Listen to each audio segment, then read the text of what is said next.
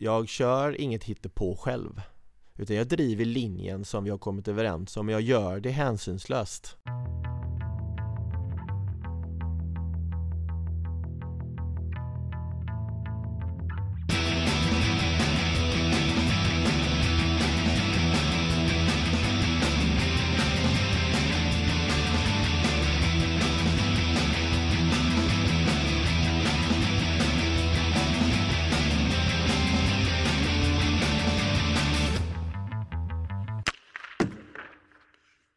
Välkomna till ett nytt avsnitt av Mjörnbergs Trash Talk.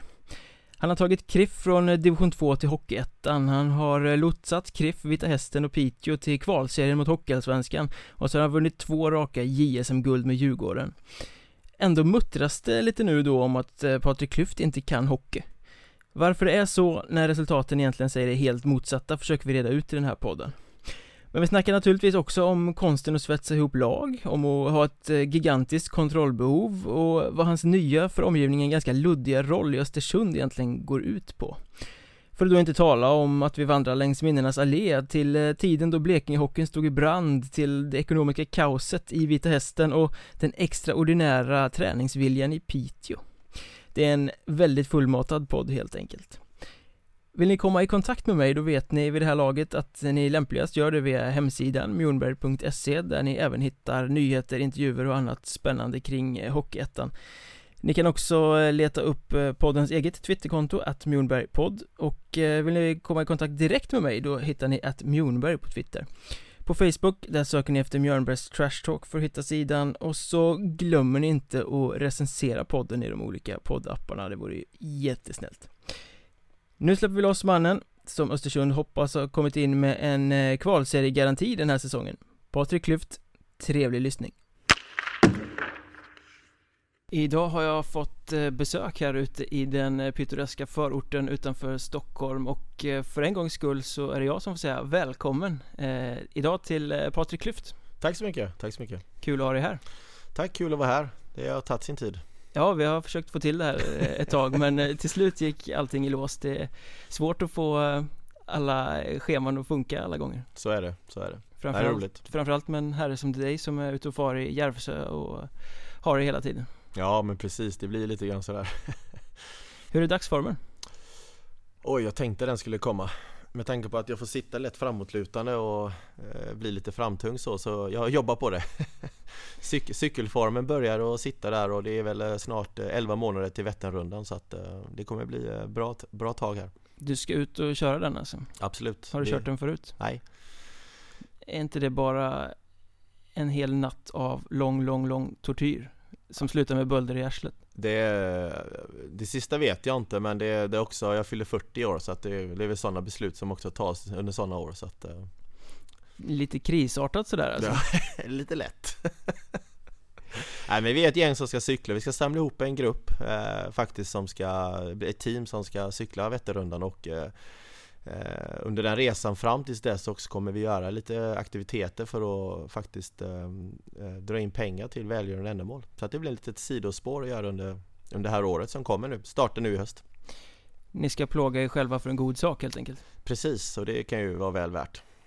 Tycker du annars att det är viktigt att fortfarande hålla igång och, och liksom Du har ägnat väldigt många år nu åt att träna andra men är det viktigt att träna själv då under tiden?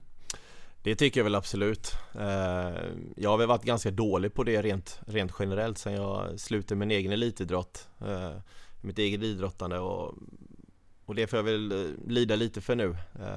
Med tanke på att jag gick upp ganska mycket och, i vikt och, och klart jag märker det att jag mår bättre när jag tränar så att jag försöker ta tag i det. Jag har faktiskt sista sen i april jag har gått ner 15 kilo så. Bra jobbat! Tack! Men i alla fall, du har, du har varit eh, borta från Hockeyettan ett tag. Ganska många säsonger, varit i Djurgården, varit i AIK, varit runt. Nu är du tillbaka och har en ny roll i Östersund. Mm. Som eh, många frågar sig, vad gör Patrik Lyft i Östersund egentligen? För det För omgivningen kan det kännas lite luddigt kanske, så att Här får du chansen att förklara vad du faktiskt gör i Östersund. Du är inte tränare, du är någon sorts konsult av något slag? Ja, jag vill, jag vill liksom säga, jag är nog lite mer än just det eh, det vi har, den benämningen vi har gjort uppe i Östersund är att jag är utvecklingsansvarig för elitverksamheten och det och där ingår fyra stycken lag. Det ingår ett eh, J18 division 1-lag, ett J18 eh, elitlag, J20 elit och A-laget. Det som kommer komma till sen är att ungdomskommittén kommer involveras i helheten och vi kommer arbeta med allt ifrån spelare till sätt att träna även längre ner i åldrarna och men just nu inriktningen på att utveckla just junior och A-lagsverksamheten. Men rent konkret, innebär det att du är med på is eller innebär det att du är en teoretiker som sitter på något kontor? Nej, det innebär att jag egentligen kvalitetssäkrar att vi gör det vi har kommit överens om att göra. Jag när jag är i Östersund på besök så sitter jag och tittar på alla lagen när de tränar. Jag analyserar tränarna, hur de är och agerar under träningar. Eh, jag tittar på övningsval. De, tränarna väljer i vilken ordning de väljer att göra övningarna och syfte med alla övningarna. Eh, men det vi också gjort från start i en grupp här, det är att vi har jobbat fram eh, klubbens spelidé, vi har jobbat fram det vi kallar identitet, det är alltså hur vi, hur vi vill uppfattas och hur vi vill att, eh, hur vi uppfattas och hur vi, eh, att det stämmer överens med det vi själva vill av oss själva eh, i vårt sätt att agera sportsligt på banan till att börja med. och vi har tagit fram även riktvärden i, i fysen när det kommer till A-laget, att det är den här nivån vi vill, vill vara på och med det här så tillkommer då att jag driver egentligen de frågorna mot tränarna i verksamheten mot juniorlagen ehm, där jag också då sitter med alla respektive tränarpar och de perioderna som jag då är i, i just nu i Stockholm då så eh, analyserar vi den tiden och tittar igenom på hur planeringen ser ut och tankar och idéer kring just både träningar, eh, fysträningar men också målsättningsarbetesprocessen hur, hur den fortgår, hur de arbetar med just de bitarna. Så att jag får hela tiden brief och skicka till mig hur planeringen ser ut och tankar och så mycket, mycket kommunikation med tränarna kring just de bitarna. Det låter lite som en eh, roll som gud. Ödmjukt.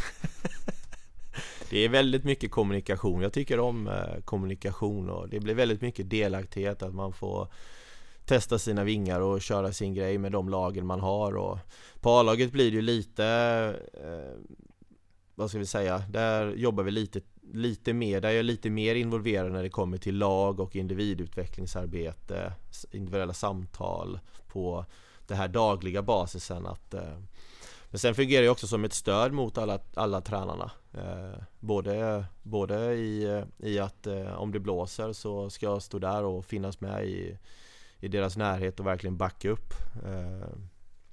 Men sen också Å andra sidan så blir jag också kravställaren rakt av. Eh, att vi gör det vi har kommit överens om och bestämt och, och sen hanteringen och hur vi, vi ska göra det. Det är också sätt som vi kommer överens om. Jag driver frågorna mot tränarna i fallet. Så att Så att sportchefen kan koncentrera sig Mer på den generella delen och de delarna som han behöver göra. Men jag riktar verkligen in mig på Att jobba väldigt nära lagen på det sättet. Men om, om det uppstår eh, så att det uppstår en, eh, en situation där ni tycker olika om Hur ni förhåller er till det som ni har ställt upp vem har sista ordet då av dig sportchef, tränare? Eller Sportchefen har alltid sista ordet. Eh, Och tränaren ska ju självklart göra så att det är de som driver laget. Eh, Och eh, det blir ju en dialog kring hur hanteringen av situationer liksom ska lösas. Nu har vi inte hamnat i sådana eh,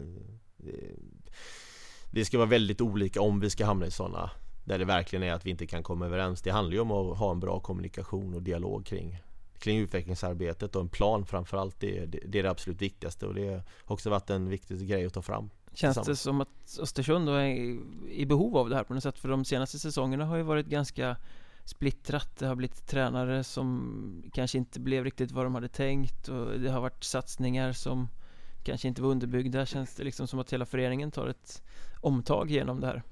Det tycker jag absolut, men sen tycker jag att Jag tycker snarare att eh, Östersund ska ha en eh, eloge att de vågar. Eh, för den här rollen finns ju egentligen inte i Hockeysverige idag på något sätt. Däremot så är jag övertygad om att i framtiden så kommer den rollen finnas på fler ställen. Så att det är ju det är en, det är en start för både mig och, och, och framförallt för Östersund att att se vad det innebär och se vad det är för det, det ställs höga krav på tränarna också. Mitt jobb är ju också att avlasta tränarna med väldigt mycket saker så att de kan koncentrera sig. Inte bli lata och slappa men Men också ha ett bollplank, att, att få ett stöd. För det finns sällan coacher för coacherna. Det är, det är ju en direkt sportchefen och det är inte alltid kanske det bästa. Eh, Även om det ska vara en öppenhet där med men Ja, det är ändå skillnad. Det känns ändå som att du då kanske sitter med lite mer långsiktigt tänk och lite mer långsiktiga frågor samtidigt som tränaren då tänker på taktiken i nästa match. Så är det absolut. Eh, jag försöker ha med båda delarna i arbetet med juniorverksamheten och, och det grundliga med det och även det här då kanske ibland kortsiktiga med A-laget. Men jag har erfarenheten från det så att det blir lätt att diskutera det men också ta lärdom av ja, men hur liknande situationer som alla har liksom hamnat i och kunna ta, ta lärdom av det.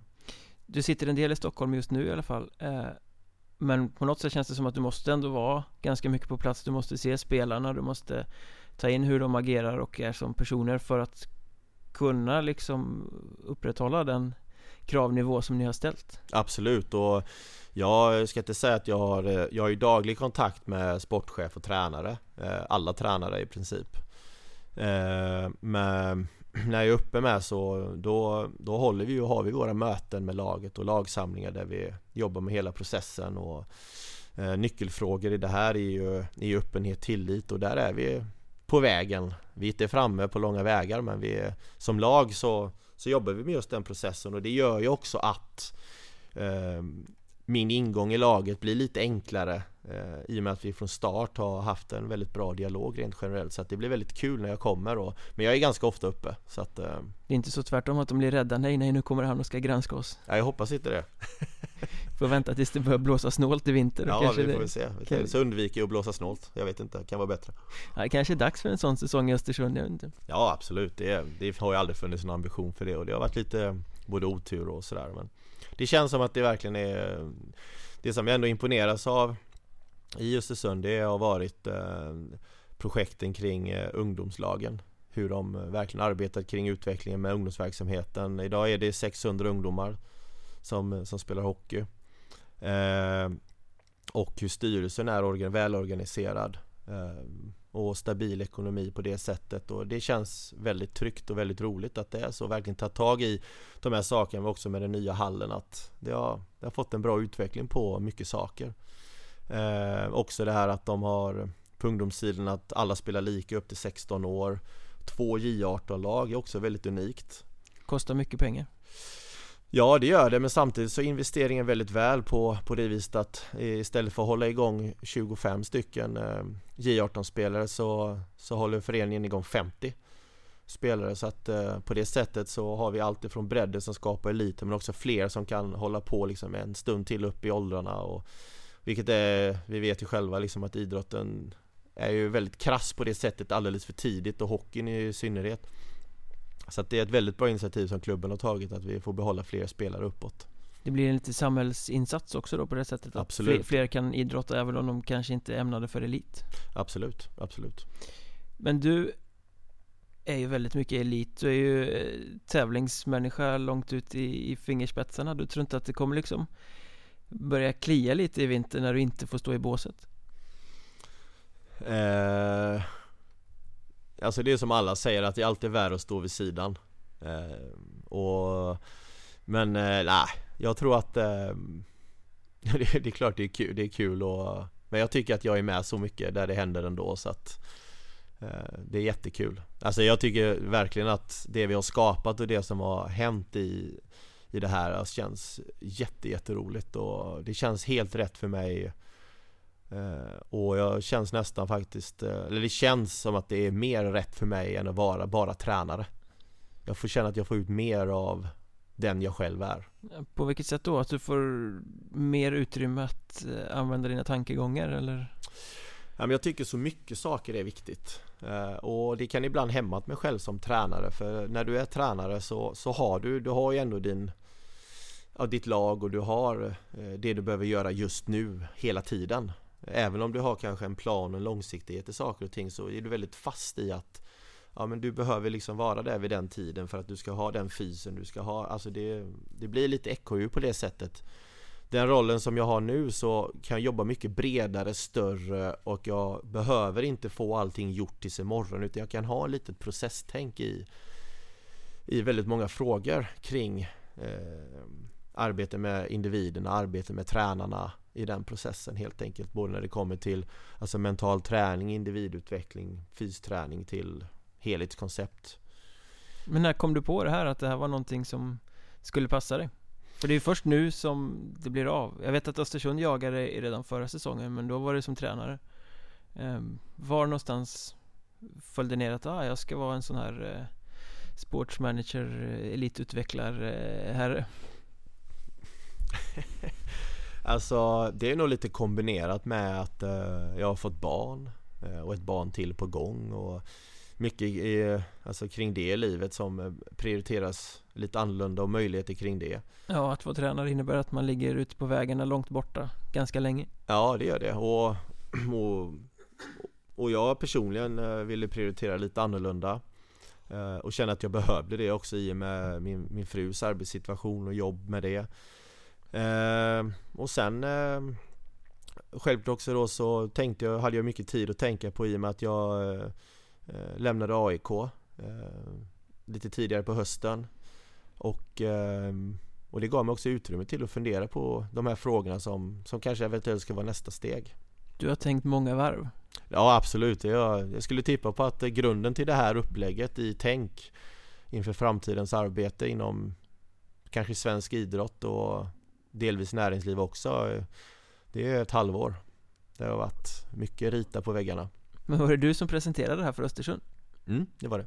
Och de bara yes, det är det här Nej. vi ska. Ha Nej, det, ja alltså vi, vi har ju gillat varandra sedan den dagen när vi egentligen började prata om tränarskapet eh, in, i, in i framtiden. Och, och jag var väldigt attraherad av att göra det jobbet. Eh, Det passade inte sig så jättebra just då. Eh, Men Östersund var ju då i det självklara fallet att de var de som jag ville träffa och prata om det här. För det, man ska också komma ihåg en annan sak när det gäller Östersund Det är att det är en idrottsstad som är väldigt häftig och Väldigt mycket i ropet just nu om inte annat. Det kan man väl lugnt säga. Det är mästet kan man säga.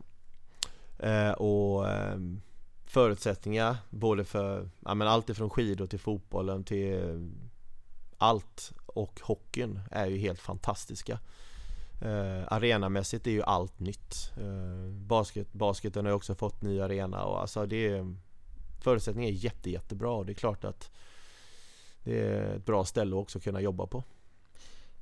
Bygger det på eh, att du har samma syn på hur ledarskap ska vara, hur hockey ska spelas och sådär som tränaren för att det här ska funka eller skulle du kunna komma in i vilken klubb som helst med en tränare som inte alls har din tränarfilosofi och det skulle funka lika bra eller är det liksom, måste man vara lite på samma bana? Alltså min uppdragsgivare är ju föreningen. Alltså min uppdragsgivare är ju, är ju sportchefen och egentligen styrelsen kan man säga. Eh, de tog in mig för att de vill ha antingen en förändring eller att de vill, nu pratar vi rent hypotetiskt alltså. Alltså att de vill ha någon form av förändring eller att de vill ha eh, kraftfullare saker kring de här frågorna eller de vill ha den här typen av utveckling och, och frågor som, som jag ska jobba med. Här är ett väldigt samarbete i Östersund för vi satt från första dagen allihopa eh, Och tog fram saker och ting i arbetet men sen har jag ju mina specifika arbetsområden som vi som kvalitetssäkra verksamhet kring de frågor vi har pratat om men också kring ledarskapsfrågor mot laget och lagen och tränarna. När eh, folk pratar om dig eller diskuterar dig och ditt eh, ledarskap som, eh, som tränare Som vi ska prata mer om alldeles strax men, men där du har varit i olika lag Så en sak som ofta kommer upp är att Folk säger att du är duktig på att få ihop lag, att du är duktig på att svetsa ihop grupper Eh, är det en egenskap som också ligger på något sätt drivande i det här? Absolut, eh, det är det verkligen. Det är kul att höra också det. Eh, det är ingen sak man kan ta för givet. Nej men självklart så, det handlar ju också om att svetsa ihop ledarteamen kring alla lagen, att alla känner sig inkluderade i resan och, och det också, det har varit lite tufft i och med att i Östersund när vi började jobba då var ju inte alla tränare tillsatta till exempel till alla lagen. Men vi var ju tvungna att börja processen och så kommer det tränare som blir klara som ska in i den här processen och egentligen sätta sig under saker som redan är klubbat och, och det är också en viktig del att alla ska känna sig inkluderade i den här resan och känna en delaktighet. Ehm, och samma är det ju med lagen. Att delaktighet delaktighet, kommunikationen är väldigt viktiga faktorer för att ta sig framåt och eh, något annat som också har varit tydligt det är, det är målen. Eh, och sportsligt sett så, så har jag i alla fall som grundfilosofi att de ska vara prestationsbaserade även om det är ett resultatmål uppsatt. Men när du kliver in i ett omklädningsrum till exempel eh, med 25 spelare som du aldrig har haft tidigare eller i alla fall merparten av dem Vad har du för nycklar för att få det att funka som eh, en enhet, en grupp liksom? För att är det någonting man har eh, sett under alla år man har följt vilken hockeyserie man än har följt så är det ju att egentligen så är det inte skillsen som avgör eh, Skills är bra och spetskompetens är bra men så länge inte skills kan samarbeta som ett kollektiv i en grupp så blir det inget bra i alla fall. Eh, vad, Har du någon sån nyckel till hur man får folk att dra åt samma håll och bli den här enigheten? Alltså jag tror att det finns lika många svar som det finns finns ledare och tränare i det. Men nu är det du som har eh, en mick framför dig och kan bry ut texten helt och hållet här. Alltså Alltså kommunikation, delaktighet eh, Alltså vara nyfiken eh, Engagerad eh, Men också ha Alltså konsekvent följa sin plan och ha kontinuitet i det Det är sådana här tråkiga eh, faktorer som jag tycker är väldigt viktiga. Eh, den andra saken är att jag personligen alltid står för eh, öppenhet med laget eh, direkt. Det är öppenhet för mig att bjuda på mig själv. Eh, kunna prata om jobbiga saker. Eh, och känna en tillit till gruppen att vi faktiskt kan prata om de här sakerna.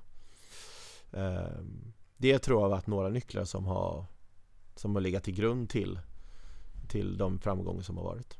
Det där är ganska intressant för du är lite Dr Jekyll och Mr Hyde där för du är väldigt öppen mot laget och i gruppen och allt så här. Men samtidigt kan du vara som en mussla och väldigt stängd utåt mot media. Du är ju inte den mest lättmedgörliga för folk som ska bevaka dina lag. Det var också intressant att höra. När, jag är, när det gäller det så är jag nog med väldigt så här eh, klar med vad som ska komma ut och inte ut. Till exempel med mål, till exempel eh, processerna i laget. Det är ju saker som är innanför dörrarna i det laget och det är ju ingenting som någon annan har med att göra. Eh, men är, är det en viktig del i ledarskapet, vi och dem? Alltså att det finns en tydlig gräns mellan laget och allting runt omkring? Eh, Ja, alltså det, gränsen, gränsen är ju i omklädningsrumsdelen är ju var vi är i laget och vad vi har kommit överens om i laget Snarare än att man bryr sig så mycket om vad som är på utsidan Snarare mer viktigt att det vi gör här är här liksom Det finns ingen liksom sådär Och det har ingen annan med att göra eller? Nej det har ju ingen annan med att göra Det är ju glasklart. Ganska mycket sådär att Kan man säga att du delar upp det i svart och vitt? Min fru brukar säga att jag är ganska svart eller vit, ja. På vilket sätt då? Ja antingen är det en bra sångare på Idol eller så är det inte det. Det, det, finns inget, ja ja, han går an. Ja, det är knappt, nej. Jag har blivit lite, blivit, blivit bättre om nu eh, att bli lite mer eh, transparent där eh, med åren. eh, Men när det kommer till just eh, processen, där kan jag vara väldigt svart eller vit men eh. gäller det spelare också? Antingen är det en bra spelare eller så är det en dålig spelare? Nej, det är det inte. Jag, jag tänker alltid att en spelare är en femma på en femgradig skala Inte på en tio då? jag tänkte att du skulle säga det så jag var tvungen att lägga till det Men eh, när nedgraderar sig en spelare i dina ögon då? Det är om de inte följer eh, gruppens process Att de, eh, att de ser sig själv som för mer än andra i laget eh, Samtidigt så kan det ju bli i vissa fall att spelare också kan behöva komma utanför gränsen och utanför ramarna mot vad laget har kommit överens om för att också vara medveten om vad, vad går gränsen och vad, vad betyder det att vara utanför gränsen. Det är ju, allting är ju en lärdom på det sättet. Och tränarens jobb i det fallet är ju att se till att hålla kvar spelarna på den gatan som vi har bestämt att vara på. Men när trillar den här poletten ner för dig?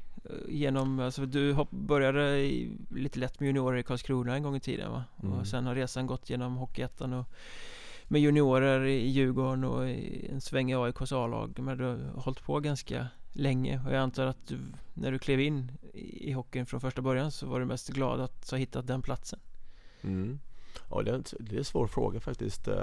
Men det är, jag tycker att jag har följt min filosofi ganska De här frågorna väcktes ganska tidigt känner jag eh, Hur jag, hur jag har jobbat med lagen jag, jag hade ju, när jag var i Kallinge där så hade vi ett ganska bra division 2-lag Andra året där Ehm, Och det hade, det den processen hade aldrig fungerat med den karaktär, de karaktärer och spelare som var där om det inte vore så att vi hade en grym delaktighet och en öppen, öppen kommunikation.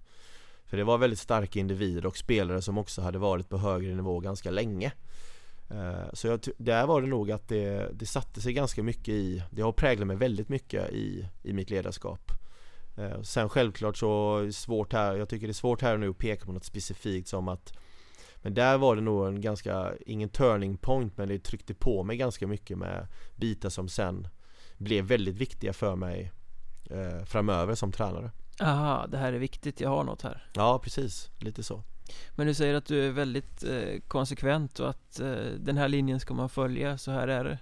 Eh, Där är det ju en hårfin eh, linje på något sätt. Många som kör så brukar ju bli betraktade som hårda.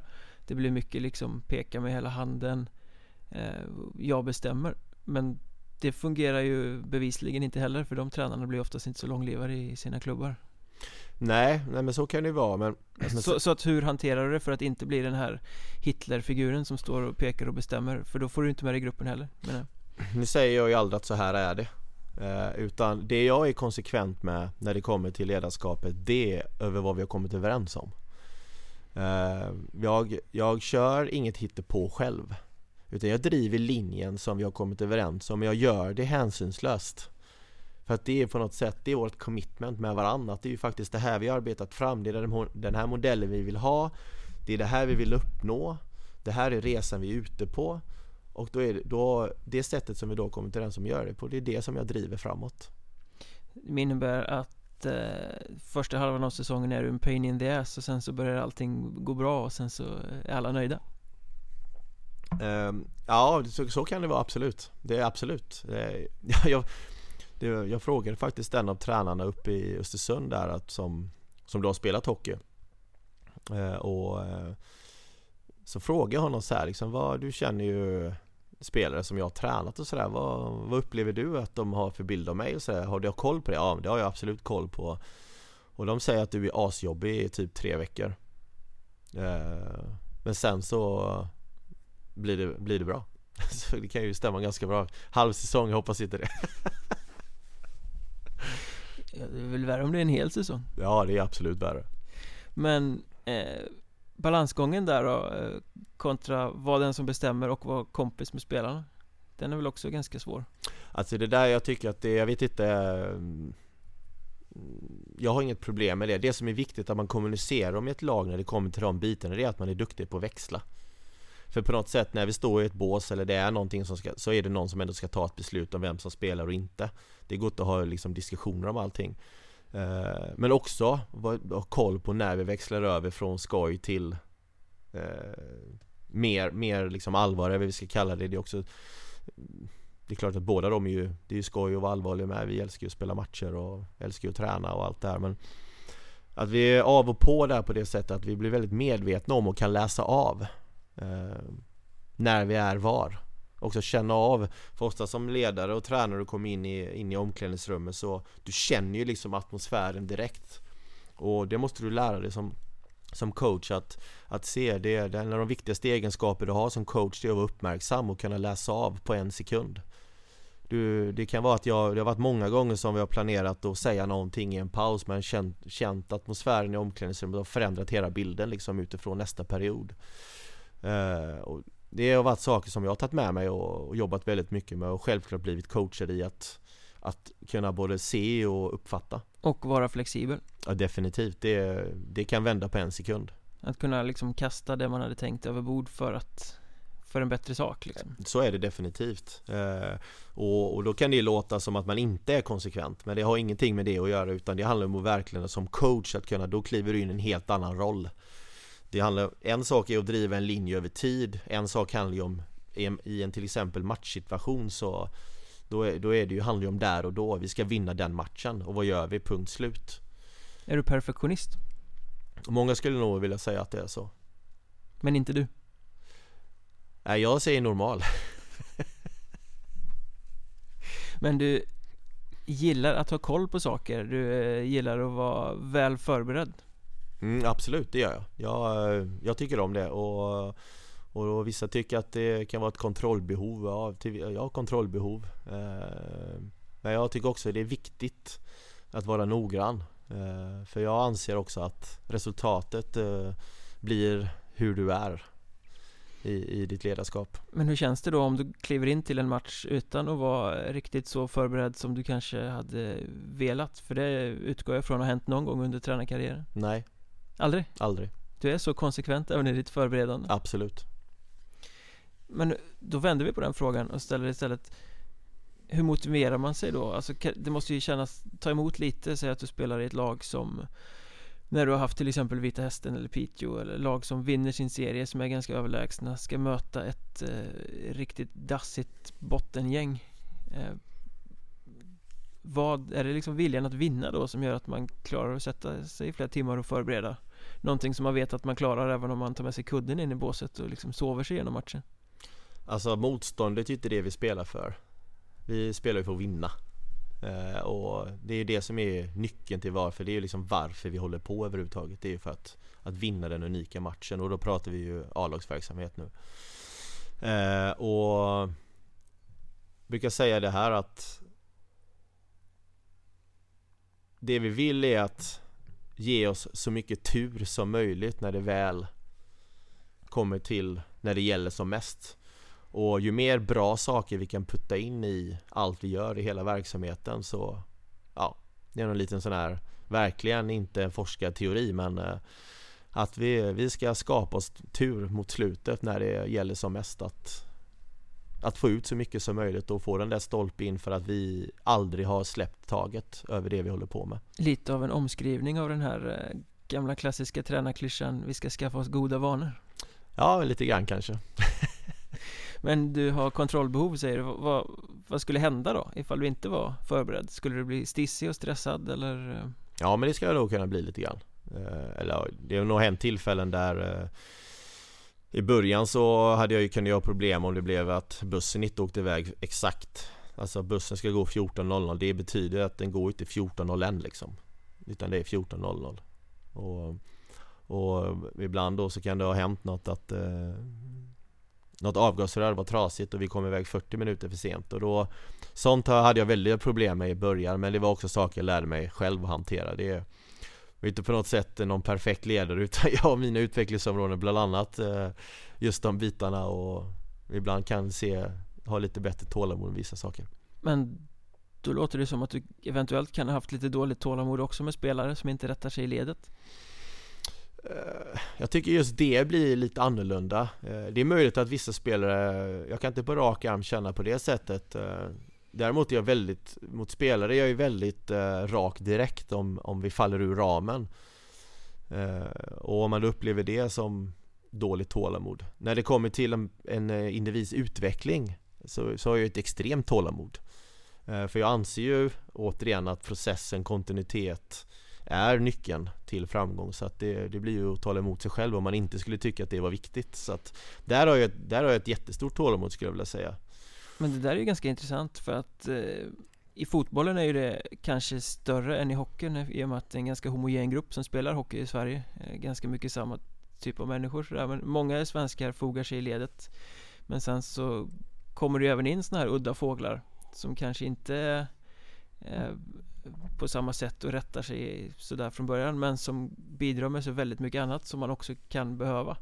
Eh, Då måste man ju ha stort tålamod med den personen på något sätt. Ja absolut. Och det är ju sådana spelare har haft absolut jobbat med eh, Som sticker ut och har svårt att liksom hålla sig till ramarna och, och tycker vissa saker är skit och, och också uttrycker det och sådär. Och det är klart det är inte lätthanterligt. Och det är jätteviktigt och dels så att eh, eh få, få, få med dem på resan den, den typ av spelare att de förstår processen att de i det läget kan det vara ännu viktigare att involvera ännu mer liksom, och skapa ännu större förståelse varför och, och också tala om att den här spelaren är otroligt viktig men om du hela tiden kliver utanför allting det som alla andra har bestämt i laget så, så blir det ju ett problem.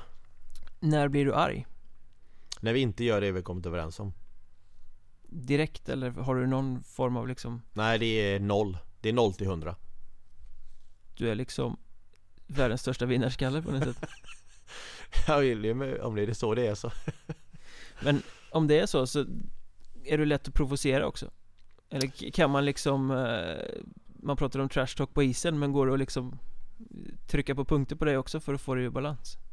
Mm. Tänker du till exempel eh, från andra båset eller tänker du som spelare som försöker utmana mig? Eh, både och, alltså i största allmänhet men... Nah. Nej men jag kan haka på Alltså sådär om det är någon om det är någon tränare som står och skriker från andra båset då kan jag skrika tillbaka och det, ja, det är lite så här, lite omoget men Det kan absolut hända. Det är en del av showen skulle jag säga. Ja, kanske lite också. Men eh, där kan jag jag tror, det är ju vissa spelare så här som lite medvetet För de vet ju liksom att jag blir så inne i det jag gör och då Ibland blir det lite enkelspårigt och då Det har ju hänt att spelare har medvetet liksom gått ihop och hittat på lite jävelskap för att liksom I dina egna lag eller i motståndarna? Nej, egna laget. Och det har ju blivit Det har ju blivit skitkul liksom Sen när jag liksom fattar att då, då okej okay, de de håller bara på liksom. Du brusar upp först och sen ja, eh, och så bara ligger, sitter de och fnissar som några galningar liksom sådär.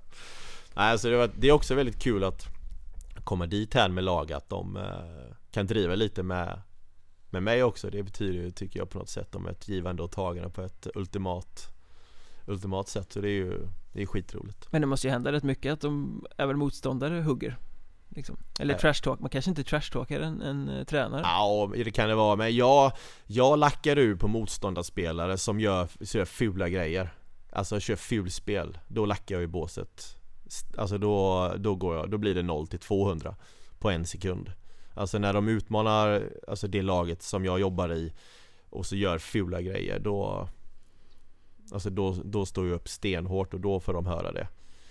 Uh, För det tycker jag att det är liksom inte fair play. Men skriker du på dem då eller? Absolut, liksom... nej men då kan jag göra det. Och sen kan jag skrika till tränaren att liksom fan Ta tag i dina spelare. Liksom och Det är, det är allt ifrån uh, Hjärnskakningssituationer till blindside tacklingar till uh, fel, fel liksom agerande i Alltså när det blir våldssituationer som är utöver liksom reglementet och bara blir fulgrejer då Det är helt oacceptabelt på banan. Då brinner det. Ja det kan man säga. Om du förlorar då? Ja det hatar jag att göra. Jo jag vet. Eh, Men jag, jag eh, tycker ändå att jag är Jag är inte den här som, eh, jag kan vara tjurig en stund men jag tycker ändå att jag, jag har alltid haft som grej, där gör väldigt många tränare olika, men jag har alltid haft som grej att avsluta matchen i omklädningsrummet eh, Efter match och jag tycker ändå att jag kan samla ihop en Alltså känna in gruppen och samla ihop en, en skaplig bild över vad som har hänt och hur det har varit och och stänga den matchen lite grann och sen kunna prata lite mer om det dagen efter. Så jag, jag, tycker ändå att jag kan ha ett processtänk gentemot laget men jag själv kan ju utifrån mitt eget ja, ego kan ju vara helt galen inombords men jag vet också att det gynnar inte laget över tid så att Men ligger du sömnlös då? Du visar inte för laget men sen ligger du hemma och eh, Ja det kan jag göra. Alltså så, framförallt så, så blir det ju mycket video sådär eh, Som man sitter och tittar på så. Det låter ju väldigt mycket som att hockey eh, upptar 24 timmar om dygnet av din tid. Mm absolut, det är men eh, det är ju, så är det ju för alla tränare, det är ju någonting, det är ju, hjärnan går ju hela tiden och men det är också eh, väldigt viktigt att eh, eh, det fick jag faktiskt, det hjälpte Hedlund mig med i Piteå. Stefan Hedlund som numera är nere i Schweiz eller något sånt där och tränar va? i SUG ja, mm. akademilaget där. Och han var väldigt duktig klubbchef för mig där. Och vi hade ett jättetajt samarbete och och just den här prioriteringen med att gå hem från ishallen och, och gå hem. Och det stöttar han mig jättemycket i, i jobbet då, för det blir ju lätt och då, då bodde jag ju där uppe då själv då. Och, och då blev det ju lätt, ja men vid halv tio ikväll tränar ju J20 och ja men då stack jag upp till hallen för att kolla på den träningen och det blev liksom väldigt mycket ishallstimmar och och det är ju bra också. Eh, men eh, att hitta en bättre prioritering eh, Att inte alltid bli på det sättet och Sen tyckte jag att det fylldes på väldigt bra när jag var i Djurgården också Utifrån ledarskapsarbetet som, som genomförs där. Så Ja det har varit saker som har faktiskt blivit bättre och bättre med åren och jag har själv den inställningen nu att eh, Det är nyckfulla faktorer och det pratar vi också väldigt mycket om i Östersund att kunna kunna stänga av och på den knappen då. Och också där blir jag ju ett stöd för tränarna i att kunna ha arbetsuppgifter då som de kanske inte behöver engagera sig i för att de kan gå hem till, till sin familj och kunna samla krafter men också vara bra föräldrar. Ja men jag menar, stänger du inte av eh, så blir du i långa loppet inte en bra tränare heller. Förmodligen. Om du bara funderar och inte har någonting annat och liksom vila. Ingen aning. Hämta energi från. Ja absolut, men många hämtar energi i att också jobba väldigt mycket och Men eh, jag tror väl med åren så Kanske du inte vill prioritera riktigt på det sättet utan det blir lite annorlunda prioriteringar och då ska man hitta sätt att göra det på för det är inte så lätt för det är väldigt lätt också att hamna i en situation som tränare där du känner att du inte är eh, att, att ta paus till exempel, det är något fult att ta paus mm. Eh, men det är det absolut inte, snarare tvärtom liksom, precis som du säger att det kan ju vara energiskapande att du mer har en bättre leverans dagen efter men Många är väldigt rädda för det också att, att eh, stänga av det där för att fan, det är ju så man ska vara Har du varit rädd för det? Absolut, absolut. Det var ett ganska stort steg för mig att eh, kunna ta det klivet Vad gör du nu då när du stänger av? Eh, nu är jag med min familj, eh, eh, nu är jag ju, nu är jag i Stockholm och jag ser alltid till att jobba väldigt, väldigt intensivt och fokuserat inför mina resor. Att förbereda dem väl. När jag kommer till, ska till Östersund och jag efterarbetar dem direkt efter.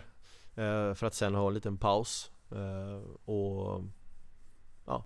Men du har varit tränare i 13 år tror jag du sa. Ända sedan du klev in i ungdomsverksamheten i Karlskrona och fram till idag. Och tittar man på ditt CV så är det ju ganska kantat av väldigt mycket framgångar. Eh, jag menar du tog Kallinge från division 2 till ettan. Du har tagit Kallinge, Vita Hästen och Piteå till kvalserien. Du har vunnit två guld med Djurgårdens eh, juniorer och var iväg och vann någon eh, internationell turnering i Ryssland med dem också. Tror du det är den här extrema drivkraften och viljan att alltid vinna som har gjort att du har tagit dig så långt? För jag menar det är ju det är nästan som man kan säga att du är framgångscoachen mm. Ja Tack ja, Det är klart att det jag älskar att vinna och eh, Men vem gör inte det på något sätt? Det finns ganska många tränare i den här branschen som är tränare bara för att vara tränare Det kanske är så eh, Syftet som, som vi håller på med och självbevarelsedriften i det här är ju att Att utveckla eh, på något sätt och för mig har det alltid varit en en nyckelfaktor att eh, jobba med utvecklingsfrågor. Och det kan ju låta lite tråkigt men utvecklingsfrågor i det här fallet kan ju också hamna väldigt mycket på att prestationen är prestationsmålen är liksom eh, framgångsfaktorn eh, utifrån vad vi har kommit överens om, vad är det för typ av delmål vi har satt upp, hur jobbar vi kring det? Och Eh, så att alltså prestationen har alltid varit en jättestor faktor i, i det och som vi pratade om lite tidigare här så Ja det har alltid varit lite grann sådär att gör vi inte det vi har kommit överens om så då blir jag lite 0 till 100 på en sekund och Ja på gott och ont eller på bra eller dåligt. Vissa tycker det är bra, vissa tycker det är dåligt och det är ju självklart så att det är kanske lite mer i harmoni med sig själv att inte gå till 0 till 100 på en sekund och ibland ha lite bättre tålamod kring just de bitarna men jag skulle ändå vilja säga liksom eh, Just det här prestationsfokuset att ha med sig det hela tiden i, i en kommunikativ och delaktighetsprocess Men om du tittar tillbaka på det du har åstadkommit så här långt Det är ju långt ifrån klart Men mm. Eh, är du liksom nöjd med resultaten? Ja, alltså Det är jag Absolut Det enda jag egentligen vet så mycket om det är ju hästen, Vita Hästens eh, säsong Där jag då eh, fick kliva av efter ett antal matcher in i kvalserien. Så egentligen den säsongen som är mest såhär, okej okay, hur hade det här slutat? Men eh, annars, jag är ju väldigt nöjd med hur vi bedrev det året med, med saker och ting som var och, eh, kring liksom, var ganska mycket problem med ekonomin och jag tyckte gruppen liksom tog tag i de frågorna på ett grymt bra Alltså det Det var ett grymt bra sätt som den gruppen jobbade på Så att det får vi, det stod skrivet i stjärnorna men eh, Du hade ändå tagit dem till kvalserien? Ja, vi tillsammans hade gjort en, en väldigt häftig resa och, eh, och det var lite rörigt på vägen vilket också på många sätt stärkte gruppen på ett positivt sätt. Så det är jag väldigt nöjd med där hur, hur spelarna hanterade den resan.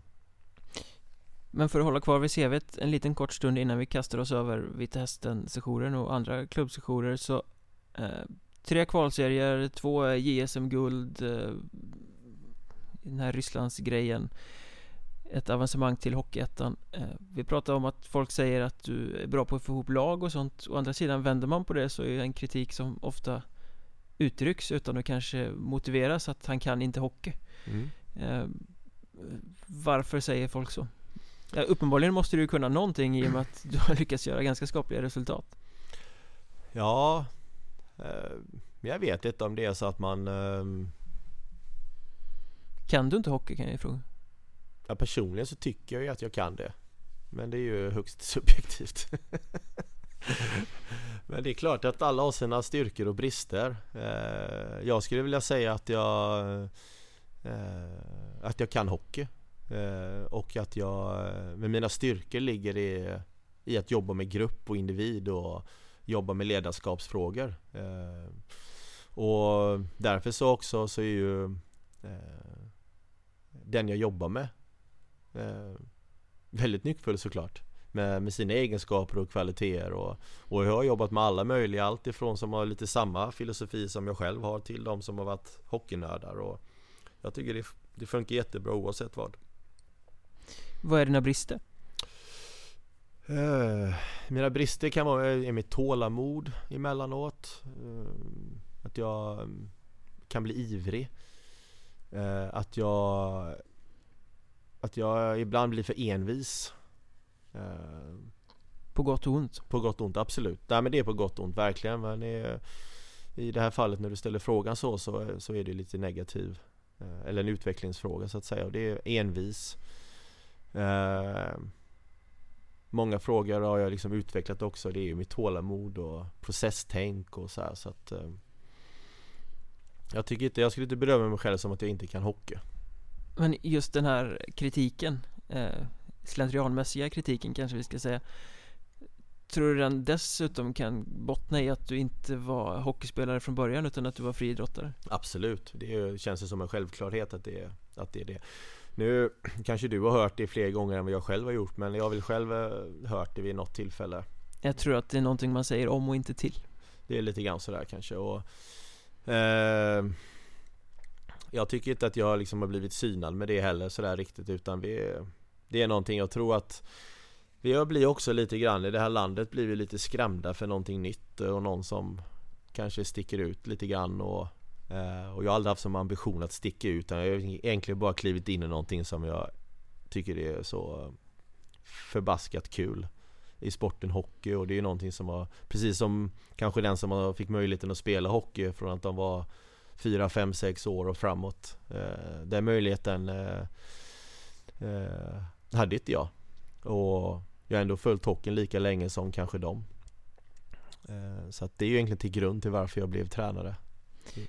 Hur, hur less kan du bli på det här? Du har gjort de här kvalserieresorna, du har vunnit två JSM-guld Ändå så fort du presenteras någonstans så är tidningsrubrikerna Förre stavhopparen ja. blir ny tränare Ja den är, den är intressant för det är liksom 20, 23 kilo sen och det är Det är ganska länge sen men Samtidigt så, ja, det är väl lite grann så det är bara helt enkelt och jag jag accepterar det. Eh, Jag är glad i alla fall att eh, Som det var i början där så var det den enda frågan jag fick Det var, jaha du ska bli fystränare Och det är ju verkligen någonting jag har tagit kraftigt avstånd emot. Eh, Att det är ju verkligen inte det jag håller på med.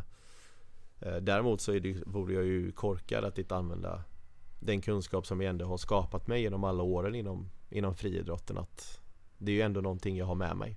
Jag som är kriminellt ointresserad av friidrott Tycker att de här artiklarna är ledsamt tråkiga för att liksom, Kan vi inte få läsa någonting om hockeyfilosofi istället? På något sätt Ja, Alltså känns det inte som att du prat, här pratar du väldigt mycket om ditt processtänk och, och vad du står för och brinner för och sånt Hade det inte varit roligare att få prata mer om sådana saker än att det gick rätt bra i någon tävling där i början på 2000-talet? Ja, nu har vi lite media så här pratat direkt vad jag gjort som friidrottare utan snarare att jag har varit en friidrottare som numera är hockeytränare. Det är väl egentligen den som har varit i varenda start i, i artiklarna och ja eh, Det blir ju lite så här att jag kommer från en idrott till en annan idrott och eh, och såklart vill då Det är klart att jag fattar min historia eh, Men såklart att jag vill ju att det ska stå hockeytränaren Istället för förre stavhopparen Men jag menar i andra branscher är det ju inte alls så. När folk byter eh, mellan olika koncerner och olika branscher så Nej. Så trycker man ju aldrig på vad man har gjort förut. Nu är han VD för ett bilföretag. Förut var han VD för ett medicinföretag. Det står ju liksom inte Nej, Det lägger man inte vikt vid. Nej och det kanske är omodernt i, inom idrotten just när det kommer till det. Jag har ingen aning. Eller så kanske de tror att det är eh, Någon hajar till lite bättre eller någonting. Jag har ingen aning. Nej, Idrotten är ju för sig Ganska mycket mer fyrkantig än mycket annat. Mm det är det Men jag tycker vi ska kasta oss lite över det du har gjort här faktiskt. Du, Vi börjar bakifrån. Så tog du över Kallinge-Ronneby idrottsförening i, eh, jag vet inte om det ligger i Kallinge eller Ronneby den där hallen men Det är väl samma sak där nere. Eh, Det får man inte säga till Nej, Blekinge, det förlåt och, men, det, eh, och där, där, det är inte samma sak och det ligger inte på samma ställe eh, Och det, hallen ligger i Kallinge. I Kallinge, så är det Den heter numera Soft Center Arena, då Yes. hette den Kockumhallen, en liten skön plåtbunker. Mm. Måste vara rätt charmigt att spela hemmamatcher där. Ja herregud, det jag antar att vi kommer till det Du tog upp dem från division 2 till division 1 och redan första säsongen i Hockeyettan så eh, tog du laget, eller ni, eran process, ledde hela vägen till kvalserien. Mm. Eh, Hur kunde det hända? Ni skulle ju egentligen bara etablera er i ettan. Ja. Nej men för det första så Allting började ju egentligen i, Alltså i Karlskrona var, där var jag ju fem och ett halvt år eh, Som ungdom och juniortränare. Eh, Började jobba med 91-kullen där Eh, och mm, De följde och sen gick jag till, gick jag till Kallinge och där spelade då ett år i Missade ju gå upp första året med, jag tror det var två poäng Har jag för mig att det var det. Det har du säkert bättre koll på. Eh, sen andra året så lyckades vi då gå upp eh, och sen eh, när det sen blev, det var helt fantastiskt alltså det året där med eh, med, med, med Kallinge att eh, det året när vi alltså gick upp när vi var nere i Helsingborg det var 450 White Angels supportrar med nere i nästa plåtskjul. Och ja, det var sånt drag alltså det var helt galet. Och jag, jag kommer så väl ihåg också Första året så spelade vi ju bort oss i Helsingborg. Eh, och, och kaptenen då Anders Pettersson som, som Han var kapten båda åren där. Eh, han hade ju fått en fraktur i foten och Han stod på uppvärmningen när White Angels då första året stod och sjöng på läktaren och grät alltså. Så vi stod där och kramades lite vid läktarsidan och då missade vi gå upp Den matchen eh, sen året efter då var han fortsatt kapten och, och fick göra den här resan om alla de andra spelarna självklart som var där och alla supporterna och fansen som, som var där och det var helt, helt sagolikt. Eh, sen eh, blev det på något sätt som att det bara, det bara, det bara fortsatte flyta på. Eh, men det man ska ändå ha klart för sig när vi blev klara för ettan och samlade ihop den här truppen som var, vi var ett gött gäng och det var ju, hockeyn stod ju i sitt, jag vet inte om det var piken på något sätt de, den säsongen och någon, ett par säsonger efter Ja, Blekingehockeyn bara brann ju då Ja det var liksom. helt Då hade vi ju Nybro var ju där och Kristianstad var egentligen de lagen utanför. Eh, Och sen var det ju inte långt till Helsingborg och det var ju inte långt till Halmstad heller men det var ju liksom Och Karlskrona storsatsade, Olofström försökte satsa i kapp med dem. Och Mörrum, var där. hade någon sorts dröm om att vara där också även om Ja. det kanske inte var det. Och ni var den här glada lillebror som kom upp och bara Ja, skulle vara precis. med. Ja det var ju liksom helt galet, men det var det, åkte vi upp till Halmstad, kommer ihåg första matchen där och glad i vågen, nu, nu kör vi. Och Och så här, och vi vann den matchen med 5-2 eller något sånt där. Det var rätt lugnt och det var, ja men det var ju lugnt, lugnt där. Sen var det dags för första derbyt. Karlskrona hemma 0-7 Exakt, vilken nightmare alltså. Det var helt, helt galet. Men Ja, jag vet inte vad det var men vi, vi hittade Vi hittade, vi hade, det stod Det stod 2-0 till Karlskrona det var en 10, om det var en sån här 7 minuters period. Matchen var ju filmad och så det var en 7 minuters period i andra perioden. Har för mig, alltså det var så här det var Som var riktigt bra från våran sida. Alla de sju minuterna, det var det enda vi tittade på efter den matchen. Vi tittade på alla sju minuter Och faktiskt såg att det, det var möjligt att göra saker liksom.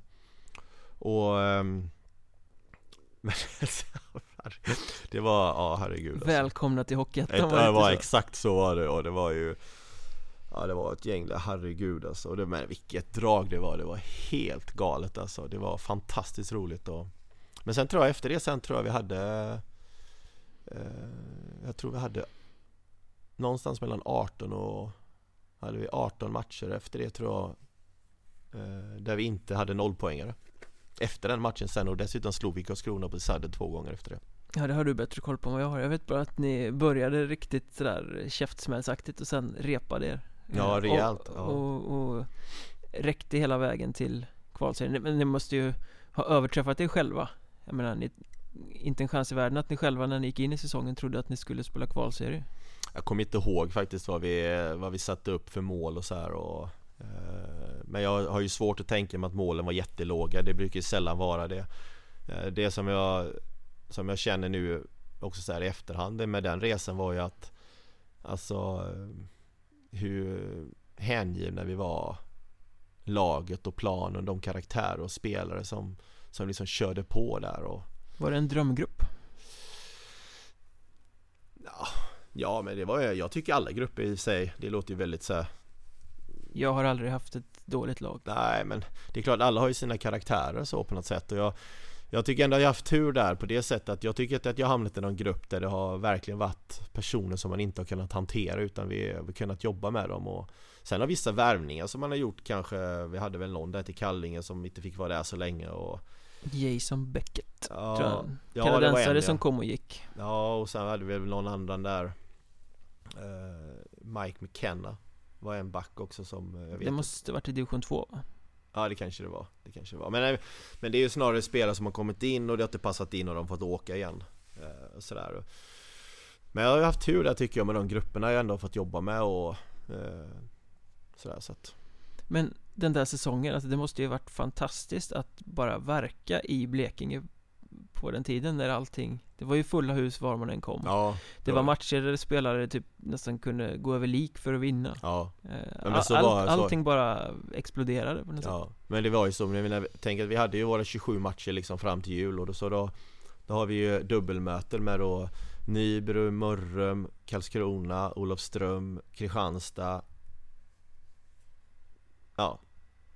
Det blir ju, det blir ju liksom, det är ju halva serien är ju bara derbyn Tror du att ni tjänade på det? Som var nykomling och som var liksom Att folk också tog ut sig mot varandra?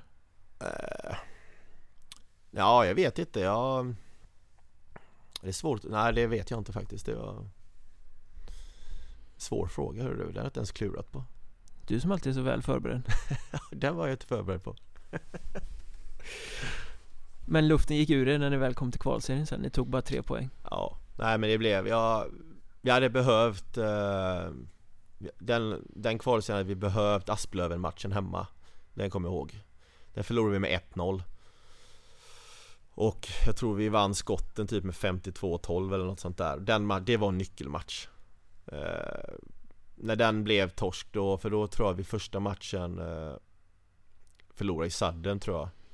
Undrar om inte det var mot Karlskrona. Och sen så var den matchen, det blev Alltså vi hade ju liksom, det var ju, det bara pumpade ju på där. Vi slog väl ut Nyköping tror jag i playoff 3 i tredje matchen i Nyköping. Eh, Och sen jag kände den Asplöven-matchen blev den kostade oss lite för mycket. Det blev pyspunka Ja, lite så. Känner man det direkt? Nej, no, jag, jag kommer ihåg att jag verkligen reagerade för efter det Jag tror vi satte oss på någon buss sen och skulle upp till Sundsvall. Eh, Direkt efter den matchen, åka hela natten och ha en dag i Sundsvall och sen Spela den matchen där uppe och så förlorade vi den med typ 6-4 och vi Jag tror vi hade typ en, en ribbträff ifrån 5-5 Med 6 sekunder kvar och ja, det blev lite sådär eh, Det var väl något vi inte hade gjort tillräckligt bra under resan Så vi förtjänar inte den där extra turen Eller så får man ju se att vi, vi hade en grym säsong Kommer du ihåg alla matcher som du har varit med i? Eh, ja, de flesta kommer jag nog ihåg, men jag behöver kanske sitta och klura lite om jag, om jag skulle få en rak fråga om någon specifik match. Omgång eh, 13 eh, hösten 2014 liksom, då kan du inte bara plocka fram det. Nej, då måste jag först tänka 14, det var Kalling eller var det Hästen eller? Jag måste tänka åren lite då. Det måste väl ha varit Piteå? Piteå kan det ha varit ja. Ja, men då var vi nog i Ja, det vet jag inte. Ni befann er säkert i någon process någonstans skulle jag Ja, tippa på. Karlskrona gick upp det året i alla fall mm. Men då hade du gjort eh, Alltså året du var i Kallinge menar jag. Eh, Då hade du gjort eh, Du hade tagit upp dem till tvåan, du hade tagit dem till kvalserien. Eh, Men sen gick, flyttade du vidare till Vita Hästen. Var det en självklarhet att liksom lämna I den men det hade, kan ju framstå från utsidan som det hade varit lockande att stanna kvar och försöka Ta det ännu ett steg nästa säsong. Eh, Ja, absolut. Det är klart att det var inget givet och inget beslut, givet beslut att, att lämna den skutan på något sätt utan eh, eh, Jag tyckte det var väldigt mycket kul saker som var Som hade hänt och, men som också vi var inne i.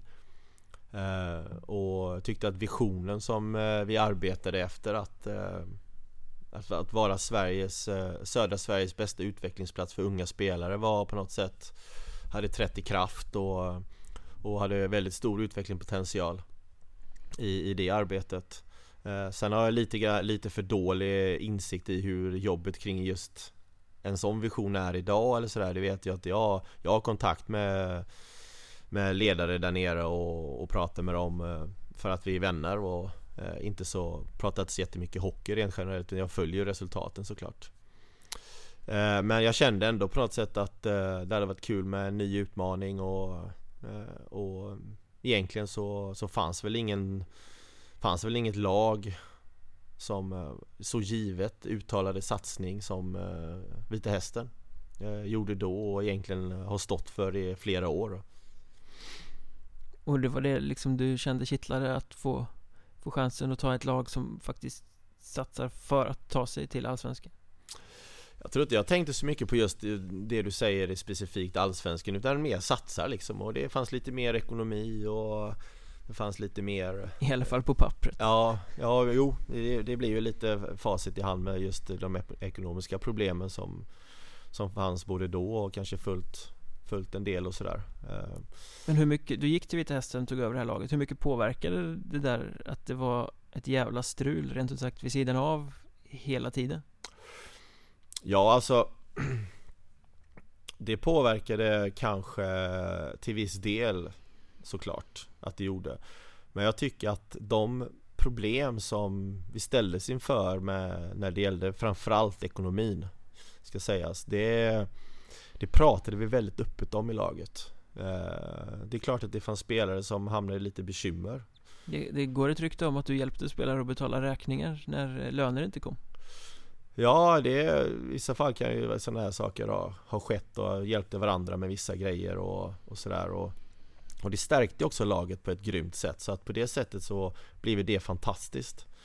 Eh, Och sen eh, eh, Ja, det blev liksom en häftig resa. Och det, där fanns ju också väldigt många duktiga hockeyspelare som som både slutade alldeles för tidigt och kanske inte heller totalt hängivet kanske gav sig själv en riktig chans eh, Som hade varit kul att se. Som till exempel? Ja, Gustav Gardell är en sån, en sån Han började spelare. spela bandy sen. Ja, han gjorde det, ja.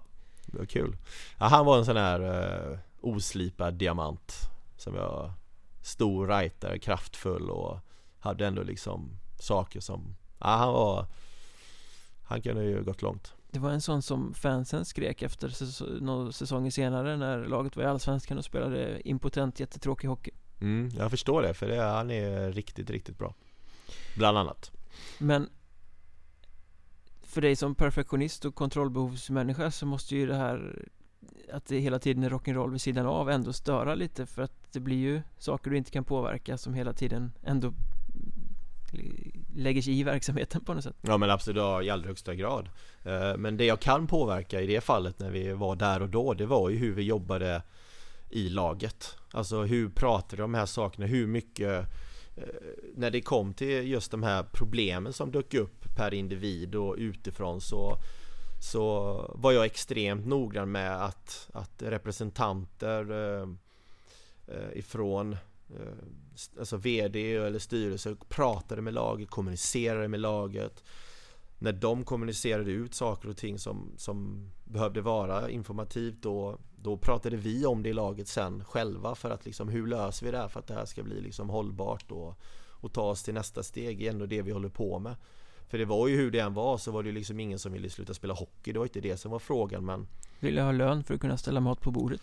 Ja det blir ju lite, lite grann sådär och Men Utifrån det tycker jag också att klubben var väldigt öppna mot spelarna Att de tog upp de här sakerna också Vilket var väldigt positivt då. Men sen just hur vi sen i processen kunde jobba med frågan eh, För att det inte skulle bli Varken ramaskri men också eh, kanske en bättre tolerans och förståelse även om man också förstår att det blir problem och, eh, och det är klart att spelare kunde ju ha valt att gå emot hela det här systemet och tycka allt är skit och, och lämna skutan men eh, det ska vara, de har all heder att de inte gjorde utan de höll kvar och verkligen tålmodigt inte heller skrek utåt utan verkligen visade en lojalitet både mot klubben och mot laget på det sättet. Men det var ju snarare så att det kom till spelare. Eh, det, ju, det var ju en bökig säsong, det var lockout. Har jag för mig. Och eh, Micke Nylander var inne någon sväng mm. och Just det. Jonte Eriksson var, eller vad heter han? Jo, mm. Jonathan Eriksson var hemma och, och gästspelade några matcher mm. eh, Påverkar sånt då? Ett lag bygge eller liksom en grupp när det är spelare som kommer in och ut och det flängs och ordnas liksom? Ja, alltså vi var i en ganska rörig situation rent generellt men jag tyckte ändå att vi hade en bra stabilitet på det. Vi hade en grund att stå på och vi visste vad vi, vad vi var som lag och så att på det sättet så påverkar det inte så jättemycket. Och eh, när det, gäller, när det gällde Jonte så han var ju med under hela eh, Det var ju inte klart med lockouten Ganska sent in på hösten där så att han han var ju hemma precis som vanligt och var ju med laget på is och körde ganska länge med laget på is. Eh, så att det var ju liksom en Han är ju polare dessutom med flera stycken i laget så, det blir ju liksom inget Det blir ju snarare en positiv grej på det sättet att eh, Ja men Hemvändan är med och lirar några matcher och det blev liksom en liten publikgrej eller liten var ganska Ganska bra publikgrej och det och det är väl aldrig negativt på det sättet. Eh, sen är det alltid viktigt när man går in i sådana saker att man verkligen tar in alla konsekvenser som kan hända och var vi står och vad som händer och så, här, så att, Men det är inga konstigheter med det tycker jag. Och sen eh, Nylanders process eh, när han kom in eh, Eh, det var också, vi var inte riktigt Det var inte heller så att det var helt givet hela tiden utan det var mycket diskussioner fram och tillbaka och så var det lite oklart när han skulle komma in och sådär och och det såg man ju också från klubbens sida som en ganska kraftig marknadsföringsdel och eh, och alla ställde sig jättepositivt till just det för det var ju en helt ny karaktär som skulle komma in i, i den här resan och, Men eh, Till slut så blev det i alla fall att det bestämdes att han skulle vara med och, och fick, Han var med då ett gäng träningar med laget och och sen då den här matchen då som han spelade då Jag kommer inte ihåg vilken det var mot Skövde tror jag. Eh, och, Det var lite jippo-säsong också, det hände lite grejer. Ja. runt laget var liksom så här, nu är det Jonte, nu är det Nylander, nu är det si och så. Ja, det var väl de två sakerna som egentligen hände. Och jag förstår ju också klubben för klubben då i och med det vi pratade med lite ekonomiproblem och så så var ju förhoppningen också att det skulle att det skulle gynna i att, att skapa ekonomi i, till klubben. Och det är ju Då blir det ju ganska givet också att man ser lite bredare och, och det får man ju också ha liksom respekt för att Det är ganska viktigt. Och ni satt i en position i den grundserien där ni egentligen inte riskerade att missa någonting utan där ni kunde leka lite med någon match utan att eh, Även om jag vet att du inte gillar att man säger så men så kunde man ju göra det. Jo det var ju, det var ju ett väldigt bra lag på det sättet så att vi eh, Precis, men jag tycker absolut inte om att prata på det sättet. Det, det går emot men eh, eh, för faktum kvarstår ändå när vi bara vann med ett mål mot Grästorp så var det ju grinigt liksom. Men det var ganska många som du säger färgstarka karaktärer i den i laget Det var Erik Rosén och Tokie Torsten och eh, eh, Emil Alengård var med det året också Mm. tror jag Mm. Jag vet jag pratade med Torsten så eh, sa han att när han kom in så det enda du visste om honom var att folk kallade honom för Tokie Torsten men att du blev eh, överraskad över att han kunde spela hockey Det, då skulle man inte kunna tro att jag har dålig koll.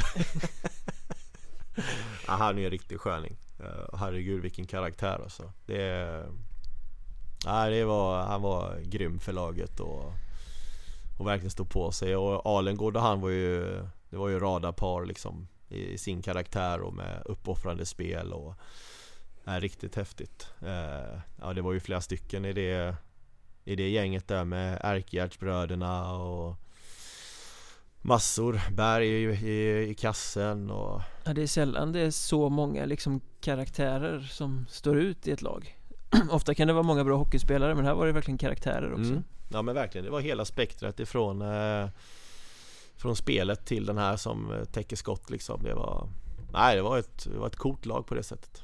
Men som du nämnde för en stund sedan så fick du inte vara med på den här resan hela vägen in i mål Mm. Eh, Du blev sparkad, det var jättekonstigt, du blev sparkad tre matcher in i kvalserien eller något sånt där Direkt Mm. efter en vinst borta mot Huddinge Det måste ha varit snopet Ja det var en otrolig besvikelse. Eh, det var jättekonstigt och det, ja, då var det jättekonstigt. Nu är det ganska länge sedan så att eh, eh, det är ju liksom utrett och klart så att säga på det sättet och Men vad tänker man? Vad vad liksom, eller hur känslan när man har jobbat en hel säsong med ett lag? Alltså, det är sju matcher kvar av säsongen och så får man inte ta det man har byggt och byggt och byggt på i hamn Ja, alltså jag har ju svårt att jämföra med så mycket annat men alltså det är klart att det blir en jättekonstig tomhet och det blir ju som för alla i den situationen att det, ja, det blir bara väldigt konstigt och nu var jag ju också väldigt förvånad eh, Alltså just då ju att det, att det skulle bli i och med dels så hur resan har varit med allting och sådär och eh, Men eh, Ja, det, det var tomt det, så var det ju. Det var svårt att tänka tillbaka hur känslan var då. Det var ett frågetecken. Det var nog känslan mest. Hur länge gick du och var tom innan du återhämtade dig och började liksom blicka framåt mot nya uppdrag? Ja, alltså det tog, det tog ganska hårt gjorde det. Och det, det för mitt lag efter det sen var i Piteå. Eh, Och det pratade jag och Stefan Hedlund om väldigt mycket just där hur, hur det påverkade mig i, i, eh, i, i vilka former det påverkade mig och vad jag vill att han eh, är väldigt duktig på när det gäller sin kommunikation till mig och, och sådana här frågor. Så att nej, det var ju en process under ett antal, ja inte år skulle jag inte säga men det, det sitter där, satt ändå kvar ett tag. För det där är ju ändå en sak, det kan du absolut inte påverka Nej verkligen inte. Nej det är ju, det är ju liksom från att jobba 100% till noll på en sekund. Vad gjorde du direkt efter du hade sagt hej då till laget och Eh, då körde jag upp till Stockholm och åkte fast för fortkörning. dubbel olycka den dagen alltså Faktiskt i Nyköping. Vid Nyköpingsbro där Ja precis. Där Klass- står de alltid Ja där var det hej och sväng in här bara okej. Men för fan jag har ju precis fått sparken jag sa det fan kom igen nu. Har ni inte hört? Nej. Nej ja så var det. Var det, var det en av de värsta dagarna i livet? ja det var ingen rolig dag alltså. Nej det var kast. Men om du blickar tillbaka på Vita Hästen-säsongen eh, idag Visst, du fick inte ta den i mål men eh, Det måste varit en utvecklande och lärdomsgivande säsong Absolut, ja men verkligen på alla sätt. Det är alla, alla har ju sina, sina saker och unikiteter som sker under resan och det är klart att det utvecklar mig jättemycket. Eh, och jag tänker ju väldigt lite på slutet. Eh, jag tänker snarare liksom på det positiva, hur vi Det har verkligen varit ett kvitto på Eh, att saker och ting som vi ändå har drivit igenom och fungerat på ett bra sätt för vi fick ändå den gruppen att leverera. Eh, och än mer fått den att leverera under ganska omständigheter som var ganska tuffa. För, ja men det är både för föreningen och för, för individer och lag. Eh, så att det, jag är väldigt nöjd med den säsongen på det sättet eh, Men Kallinge lämnade du lite som kung kan man säga Du hade allt gått på räls Det var superbra klang och jubelsäsong eh, Sen fick du lämna Vita Hästen med lite svansen mellan benen som det ju blir när man blir sparkad och så kommer Mm. du till Piteå mhm. Var kände du personligen att du stod då? Nej men utifrån hur jag och Stefan pratade och hur vi liksom ville bygga den här processen med det laget så kändes ju allting jättepositivt. De trodde ju på mig till 100%. Jag mötte ju Stefan när han var i Piteå året då jag var i, och jag var i hästen. Mm, de vann med eh, straffar i Mästarlundshallen med 4-3 Ja, bra, var- min, bra minne där. Jag vet att han är ganska duktig på att påminna mig om det också. Du var vansinnig efteråt Okej. Jag kommer ihåg för jag fick en scoop av dig Ställde fel fråga Jaha okej, kul Det är ändå skönt om man blir bjuden till podden då Nej men eh, Vi kom överens och de trodde verkligen på mig och Sen hade ju Stefan gjort en eh, eh Nu var ju inte Stefan ensam där men jag och Stefan pratade väldigt mycket. Vi hade ju Pat, eh, Pat Jonsson som var sportchef och eh, Det här gänget som Fredrik Lindgren som jobbar inne på, på kansliet och sådär men jag och Stefan var ju de som egentligen dagligen jobbade heltid kan man väl säga. Eh, och han hade ju gjort ett bra grundjobb. Stefan är ju för övrigt också liksom en eh, Jag skulle vilja säga att jag är en ganska noggrann tränare och Han är också väldigt noggrann i, i sitt jobb och På det sättet passade vi väldigt bra ihop. Eh, och i och med vi, alla, alla dialoger vi hade kring Dels min resa i hästen och överlag kommunikationen och hur vi utvecklar vårt samarbete och vår relation så Fick vi en grymt bra resa där uppe och Den resan lärde mig också väldigt mycket det här med Med av och på och eh, Se andra saker och Men Som det, människa. det var en ganska lång eh, utflykt alltså till, när man är i, i, när det var i Kallinge så ni var väl stationerade i Blekinge från början då. Och sen när det var i Vita Hästen ändå pendlingsavstånd var ni än bodde Piteå var ju ändå långt bort åt helvete från familj kan jag tänka mig. Ja, jo absolut. För Carro höll ju på med sin karriär och eh, fram, fram tills dess kan man väl nästan säga. Och, och sen då hade sina projekt och, och jobbsaker i, i Stockholm som vi då hade köpt en lägenhet. Så att eh, hon eh, pendlade ju upp till Piteå därifrån med tåg då. Så det blev ju nattåg till Älvsbyn och så hämtade jag henne där och så Ja men så var hon där uppe då och så tåg tillbaka. Men var det en annorlunda situation och plötsligt liksom var så långt bort från Ja men det var det, men samtidigt som jag tyckte om det väldigt mycket, inte att vara långt borta från, från det utan Du vill inte umgås med din eh, käresta som säger. Nej men lång- långt ifrån familj och det, utan det jag tänker på var att eh, jag tycker om miljön väldigt mycket. Jag tycker om eh, klimatet väldigt mycket, jag tycker om attityden till Det skiljer sig ganska mycket på inställningen till det de gjorde där, hängivenheten till, till det här med träning och köra hårt och Alltså allt det där var ju Det, det är en skillnad faktiskt om jag ska jämföra med, med södra Sverige som jag reflekterade på ganska fort där uppe och Är vi bekvämare här nere? eh, Jag skulle vilja säga att det finns en liten skillnad i det då Jag vet inte hur det är nu Men, men då upplevde jag det som en lite annorlunda att jag, det- Man köpte mer att det, det krävs hå- hårda tag och det krävs att vi tränar hårt och det krävs att vi gör saker liksom på ett bra sätt. Så jag upplever ändå på något sätt att det är väl den tiden under min tränarkarriär som jag har behövt driva på ett lag minst. Eh, och, utan det var på det sättet så drev de på väldigt mycket saker själv. Men de var också väldigt frågande i saker och ting Vilket gjorde då att det öppnade upp till Att ha bra kommunikation och delaktighet. Men sen när det väl var bestämt då Då, då drev de det stenhårt och i synnerhet också då eh, Kaptenen Ragge Olofsson som Som var en fantastiskt bra kapten i det laget också. Han la av för några säsonger sedan tror jag. Mm, mm, Precis. Men det måste också varit en säsong där du fick jobba mycket med motivation För om man tittar på Hockeyettan och alla andra eh, säsonger När du har varit, så har det varit där man ska ta sig till allettan, man ska vidare. Just den här säsongen var väl norrserien liksom lite särskild från övriga och spelade Drygt 40 matcher rak serie, var det inte så? eh, Så kanske det var ja Är det inte svårt, för ni var ju ett supertopplag och inte svårt att hålla motivationen uppe då när det blir väldigt mycket transport och man är klara redan för ett playoffspel redan vid jul och sen ska man ändå spela 15-20 matcher till? Nej, alltså det var det som jag tycker var den största skillnaden, att jag behövde inte lägga lika mycket kraft vid den typen av eh, eh Alltså Fokusområden helt enkelt, utan vi Laget var som att, att liksom var det en dålig period oavsett mot vilka så då lackade spelare ur liksom på varann och, och på laget. Det, Vi måste upp och det, det ställdes jättehöga krav på träningarna rent naturligt och att det, det ska vara driv, det ska inte vara någon som glider, det ska inte vara Alltså vi måste köra ordentligt liksom. Och, och det grundjobbet hade ju liksom Stefan och de lagt året innan i väldigt många spelare som var kvar och, och de som var nya som kom in liksom köpte ju allting på en gång och Sen är det klart att alla lag har sina saker men i det stora hela så behövde jag lägga väldigt lite fokus vid just de frågorna Vilket kändes liksom positivt då. Kunde du fokusera mer på att kunna hockey? Ja men precis, det var faktiskt mer att vi kunde klura lite mer kring lösningar i spelet och lite mer idéer kring det för att eh, vi behöver inte lägga så mycket energi vid andra saker så. Så det var på det sättet så var det också kanske ett av de åren där jag kunde tänka mest hockey också.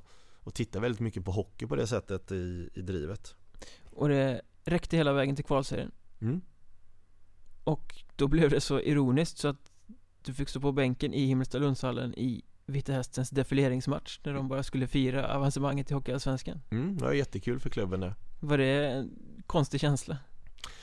Ja, det var ju i och med eh, situationen som blev året innan så var, så var det ju en konstig känsla på det viset men men sen så känner jag ju väldigt mycket för spelarna och, och sen ledarna för de kom ju liksom, vi sågs ju innan matchen eh, med Grizzly och Sven och, och och Kent eh, var ju ute som var liksom involverad lite grann då och, Alltså Näström så Det var ju liksom kram, kramkalas och det var jättemånga supportrar som kom fram eh, Inför den matchen och liksom Ja Var jättepositiv och kul, många som skrev också så här, så att Nej, ja, på det sättet var det ju liksom inte alls eh, eh, konstigt så utan jag var också väldigt glad att det liksom det på något sätt som var påbörjat för ett antal år sedan liksom lyckades med och... Det gick i lås liksom? Ja, men precis Var du bjuden på segerbanketten? Nej, jag var väl mest grinig kanske att vi torskade matchen så men eh, Fast den betydde ingenting va? De var redan klara nej, och Torsk är torsk ja, Man vill sluta tionde ja. omgången, sista för säsongen på lite plus sådär. Men eh, ja, nej men det blir lite speciellt och sen så klart man skulle låta dem fira och sådär det, det var ju historia Och nu är du tillbaka i Hockeyettan igen då? Mm, efter en sejour i två år i Djurgården ja, och så en halv säsong i AIK ja. Har du fortfarande koll på serien? Efter de här åren? Eh, ja, alltså det beror på vad du menar med koll. Eh, jag får nog uppdatera mig en del, nu håller jag ju på med det men jag håller på att uppdatera mig en del kring eh, spelarinnehåll i alla lagen. Och vilka lag som är i ropet, det har man ju givetvis haft lite halvskaplig koll på under hela tiden men Så att det är lite uppdateringar som behöver göras såklart. Men jag känner ändå att det, jag har nog, nog av att jobba med det jag gör just nu och jobba kring det. Kul att vara tillbaka i seniorhockey på riktigt igen Om vi liksom glömmer den här lilla korta sessionen i AIK eh, Ja absolut, även om jag tycker att eh, Tiden i Djurgården med de två junioråren där gav mig väldigt mycket. Och just den här resan som jag är inne på nu i Östersund med, med mitt jobb kring juniorlagen är egentligen kanske det som är absolut det viktigaste för att säkerställa framtiden. Så, så är det klart att det är kul att vara involverad i ett A-lag. Men vi pratade väldigt mycket om din nya roll i Östersund här och där Innebär det att du har tagit klivet bort från tränarbänken? Eller liksom Har du det med dig också att du ska tillbaka in i den hetluften igen någon gång framöver? Ja, det finns inte i min, eh, i min plan utan Anledningen till den här förändringen i, i tänk Det var ju dels eh, liksom familjesituation att det inte fungerar. Jag tyckte personligen att jag vill ha ut mer av eh, Mer av mig själv eh, Hemma du, också. Ja du skrev tvåårskontrakt i Piteå som du bröt av den anledningen? Ja precis, exakt. Det, Ja precis, vi blev med barn där och Och det blev liksom den hjälpen som, hade, som Karo hade behövt så hade det funkat där uppe helt enkelt så att... Nej det var, det var några veckor av ovisshet här, vad fan han skrev ju tvåårskontrakt. Varför helt ja. plötsligt bryta det här? Nu är det något som är lurt här. Ja det var precis. Och ja. Så att det var anledningen till, till, till det där och att vi För jag skrev två nya år där ja. Och sen kom dottern som ni hade döpt till Lale. Till Lale, ja. Efter sångerskan? Ja, och efter att vi tycker att det är ett väldigt fint namn. Men eh, självklart så, så är det inspirerat ifrån eh, Lalle Porkarimma Jag trodde att du var en hårdrockskille. Ja, men jag är en väldig blandare så när det kommer till musik, det vill jag säga. Och det tror jag de flesta i min närhet kan intyga. Men eh, får du bestämma musiken i omklädningsrummet? Nej, det skiter jag i Det, det lägger jag mig inte i överhuvudtaget Så det är inte det som har gjort att du har klivit bort från coachbänken här alltså? Att det är för dålig musik i Ja. omklädningsrummet? Nej, definitivt inte Men i alla fall med familjesituationen så tror du att eh, det blir svårt att komma tillbaka till att stå på tränarbänken eller vad? Nej alltså jag gör inte någon sån bedömning utan jag gör prioriteringar i eh, hur jag vill ha det eh, med saker och ting och, och sen också i vad jag själv tycker med erfarenheter eh, prioriterat i, i frågor kring eh, utvecklingen av idrottare. Eh, och det är ju det som har gjort att det här eh, i kombination med det och familjelivet som har gjort till att jag har kommit fram till eh, Jag ska säga så att, att, att jag och min fru satt och arbetade fram upplägg kring hur man skulle kunna jobba med utvecklingsfrågor på ett, ett snäpp upp till. Eh, att avlasta tid för tränarna, att kunna jobba med Ja med, med frågor kring säkerställning av verksamhet och hur man skulle göra det och och på det sättet så jobbade vi fram det helt enkelt. Eh, Men det borde ju innebära att du skulle kunna ta det här med dig ut ur hockeyn också in i någon form av annan verksamhet? Absolut, definitivt. Och jag finns ingen ambition att det bara ska leva i, i ishockeyn utan jag Det kan leva i alla möjliga idrotter och bredda sig ganska mycket där. Och eh, Sen kommer ju alltid Beroende på innehåll. Nu är, jag ju, nu är det ju väldigt kraftigt innehåll i Östersund just Alltså mycket saker och och det är, så är det där. Och så har vi bestämt att det ska vara där och det är kanonbra, det kanske alltid kommer vara så eh, där. Sen eh, kommer liksom det bli annorlunda kanske på andra ställen och inblandningen blir på en annan nivå. Men skulle du verkligen kunna lämna hockeyn? Ja men nu är jag i hockeyn. Ja men om, jag menar om du skulle ta det vidare någon annanstans? Ja, jag tycker det är vansinnigt kul med hockey och tycker den processen är väldigt rolig. Och sen eh, det som har växt fram och blivit viktigt för mig det är utvecklingsfrågorna. eh, Och ja men då i synnerhet i ishockeyn då. Eh, Så att just nu gör jag det jag brinner för väldigt mycket. Då ska det bli väldigt intressant att se hur mycket Östersund utvecklas säsongen som kommer. Ja verkligen. Kul att du ville vara med. Kul att vara med